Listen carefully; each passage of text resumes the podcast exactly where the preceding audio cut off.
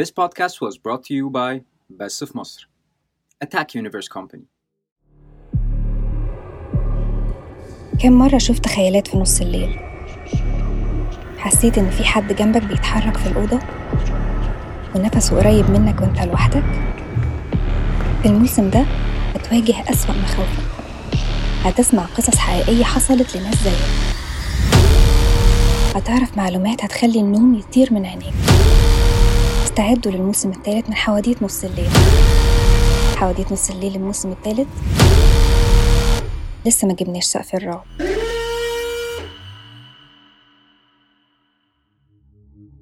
الأسانسير أو المصعد ممكن يبان مكان عادي جدا لناس كتير.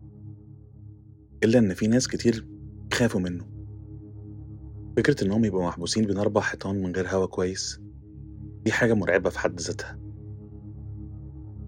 ناس كتير عندهم فوبيا الأماكن المغلقة وخصوصا في الأسانسيرات.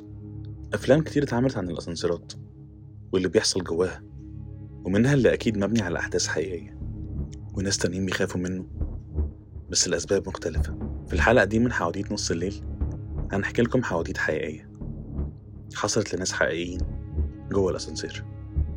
الحكاية الأولى حكاها ألف ف شاب في أواخر العشرينات كان رايح يزور واحد صاحبه مريض في بيته. عمارة قديمة جدا والأسانسير فيها قديم برضه بس لأن صاحبه ساكن في الدور الخامس شاف إن الأسانسير أسرع وأسهل في الصعود. دخل الشاب الأسانسير وبعد خمس ثواني تقريبا الكهرباء اتقطعت جواه. بدأ يخبط وينده عشان حد يطلعه بس ما كانش فيه رد من أي حد. قرر إنه يفضل واقف في مكانه لحد ما يجي أي حد يطلعه من جوه. وبعد تقريبا تلات دقايق سمع صوت حد بيتنفس في ظهره. لف فجأة بس ما كانش شايف أي حاجة من الضلمة. بس صوت النفس العالي خلاه يتأكد إن في حد معاه. طلع تليفونه وشغل الكشاف بس ما كانش فيه أثر لحد. مجرد أصوات أنفاس عالية. وبعد دقيقتين تانيين حس الشاب إن في إيد بتمسكه من رقبته. بدأ يصرخ. يحاول يفتح الباب بكل قوته. بس ما قدرش. ومن كتر خوفه وقع على الأرض مغمى عليه. لما فاق كان في بيت صاحبه اللي بصله باستغراب وقال له أنت إيه اللي دخلك العمارة اللي قدامنا؟ العمارة دي مهجورة من سنين. من يوم ما اتحرقت. وعيلة كاملة اتحرقت جوه الأسانسير بتاعها. الحكاية التانية حصلت في اليابان. حكت بنت عن العمارة اللي كانت بتشتغل فيها في الدور الستاشر. كانت بتخلص شغلها كل يوم. آخر واحدة في المبنى. وبتنزل لوحدها من الدور الستاشر لحد الأرض كل ليلة. لحد ما في يوم وهي نازلة وقف الأسانسير في الدور الخمستاشر. فتح الباب بس ما دخلش حد. اتكرر نفس الشيء في الدور الأربعتاشر والتلاتاشر والاتناشر وبرضه ما كانش في حد بيدخل. بس اللي رعبها إن الأسانسير أظهر تنويه عن إنه وصل للحمولة القصوى وإن لازم تخفيف الحمل عشان يقدر ينزل. بصت البنت حواليها. مفيش أي حد معاها. بس حاسة إن في حد معاها. داست البنت على زرار الإنذار فتح الباب وخرجت من العمارة بتجري. ومن ساعتها وهي ما دخلتش أسانسير تاني في حياتها. الحكاية التالتة حكاها ميم حا. حكى عن قصة حصلت له هو وصاحبه من سنتين. كانوا مغتربين وجالهم فرصة شغل في المدينة. دوروا كتير على شقة بسعر مناسب منقوش غير شقة قديمة في حتة بعيدة جدا. بس ما كانش قدامهم غيرها. أجار الشقة. ركب ميم الأسانسير. لقى جواها بنت شكلها غريب. وشها مخيف. زي أفلام الرعب. ولونها أبيض زي التلج. رمى عليها السلام بس ما ردتش عليه. اتكرر الموضوع لكذا يوم. كل ما حد منهم يركب الأسانسير يلاقيها جواه كأنها عايشة جوه الأسانسير. ولحد ما في يوم ركبوا هما الاتنين مع بعض. وكالعادة كانت موجودة البنت جوه. حاولوا يسألوها عن اسمها عن سبب وجودها الدايم جوه الأسانسير بس ما كانتش بترد. حاولوا يسألوها لو محتاجة أي مساعدة إلا إنها لأول مرة تبتسم لهم. ما كانتش ابتسامة ودودة ولا ابتسامة جميلة كانت ابتسامة مرعبة. طرقعت بصوابعها فوقع بيهم من الأسانسير للدور الأرضي. حكى ميم إن صاحبه توفى من أثر الوقعة. وإنه بص للبنت وهو متغرق في دمه لقاها بتضحك وهي ماسكة جثة صاحبه. وبتحضنه. بتحضنه كأنها بتستقبل صديق جديد. هيروح معاه العالم تاني. الحكاية الرابعة اللي حكاها كان جار صاحب القصة.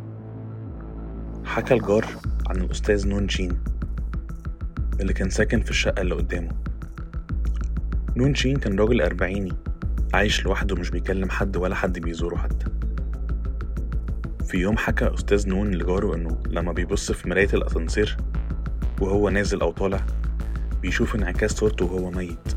الجار استغرب إن أستاذ نون لأول مرة بيوجه له كلام واستغرب أكتر من اللي حكاه.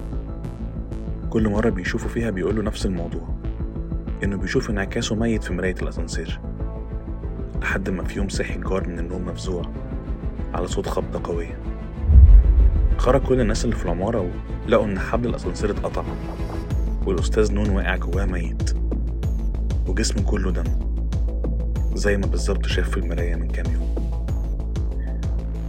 وسأل الجار نفسه كتير هل ممكن الأسانسير كان بيحاول يوصل له رسالة؟ ولا كان مجرد بيهيئة للموت؟ الحكاية الخامسة والأخيرة هي أقرب قصة فيهم. واللي حكاها كان بواب العمارة. راجل عجوز اسمه سميدة. سميدة كان بواب العمارة دي بقاله أكتر من أربعين سنة. العمارة كان تقريبا كل الشقق اللي فيها مقفولة أو فاضية. بس كان بياخد مرتبه من صاحب العمارة نفسه. ففضل فيها تقريبا كل سنين حياته. حكى سميدة إنه دايما كان بيشترط على أي حد يسكن العمارة إنه ما يركبش حد الأسانسير وإنه مسموح له بس يطلع أو ينزل على السلم. أما الأسانسير فممنوع استخدامه منعا باتا كان شرط غريب جدا بالنسبة لناس كتير فكانوا بيسيبوا العمارة دي في الآخر. ولا اللي بيأجر كان بيكمل ولا اللي بيشتري كان بيكمل. لحد ما في يوم سكن العمارة دي مهندس شاب هو ومراته. واللي في الأول ما اعترضش على موضوع الأسانسير ده خالص. إلا إنه بعد فترة بدأ يسأل كتير عن السبب. أنا بقالي في العمارة دي فترة يا عم سميدة ومحتاج أفهم موضوع الأسانسير ده. أصل غريبة يعني عمارة 15 دور ممنوع حد يركب فيها الأسانسير. بالله عليك يا باش مهندس ما تفتحش علينا أبواب جهنم. أبواب جهنم يعني إيه؟ أنا مش فاهم أي حاجة. لكن سميدة ما جاوبوش. بس بعد إلحاح كتير من البشمهندس حكى له البواب إن في يوم من الأيام من تقريبا عشرين سنة كان في مجموعة ولاد من ولاد الجيران بيلعبوا في مدخل العمارة كورة. واحد منهم دخل الأسانسير عشان يطلع يتغدى. وبعد خمس دقايق تقريبا حد من الجيران طلب الأسانسير. فتح الباب لقى الولد راسه مفصولة عن جسمه. اتلم سكان العمارة كلهم. بدأوا يصرخوا. جه البوليس وحاول يعرف إيه اللي حصل بس في الآخر محدش وصل لحاجة واتقفلت القضية. بعد فترة بدأ سكان العمارة يشموا ريحة غريبة خارجة من الأسانسير. ويلاقوا دم خارج من جواه. كان كل ما البواب يمسح ترجع من تاني الريحة والدم يرجع ينزل. لحد ما سكان العمارة قرروا ما يستخدموش الأسانسير تاني. وكل فترة بيجيبوا شيخ يقرأ قرآن في العمارة. ولما بعد سنين سمعوا صوت صريخ جواه ولما فتحوا لقوا ست كبيرة بينزل من عينيها وبقها دم. حاولوا يعرفوا مين الست دي. ولكن على ما طلبوا النجدة كانت الست دي اختفت. ومن اللحظة دي كل الناس اللي في العمارة سابوها. حكى سميدة إن المهندس مصدقش كل الحواديت دي. وبدأ المهندس يصلح الأسانسير. اللي بقاله سنين عطلان واقف عن العمل. وبعد ما رجع زي الجديد قرر يجربه. حكى سميدة إنه حاول كتير إنه يمنعه. حاول كتير إن هو يوقفه. ده حتى اتحايل عليه وقال له أرجوك أرجوك ما تجربش الأسانسير. نهايتك مش هتبقى مختلفة خالص عن نهاية اللي قبلك. بس المهندس ما سمعش كلامه. وهي ثواني وفتح سميدة الباب عشان يلاقي المهندس. الجسم مقطوع نصين. وقبل ما يموت بثواني. قالوا هو بيترعش. أنا شفت اللي ما كانش لازم أشوفه. حواديت كتير جدا. اتحكت وحصلت جوه الأسانسيرات. منها اللي حقيقي ومنها اللي أكيد من خيال الحكاية. بس الحاجة الأكيدة إن دايما في سر غريب. جوه كل الأسانسيرات. اسمعوا باقي بودكاست بس في مصر على أنغامي ابل بودكاست وجوجل كاست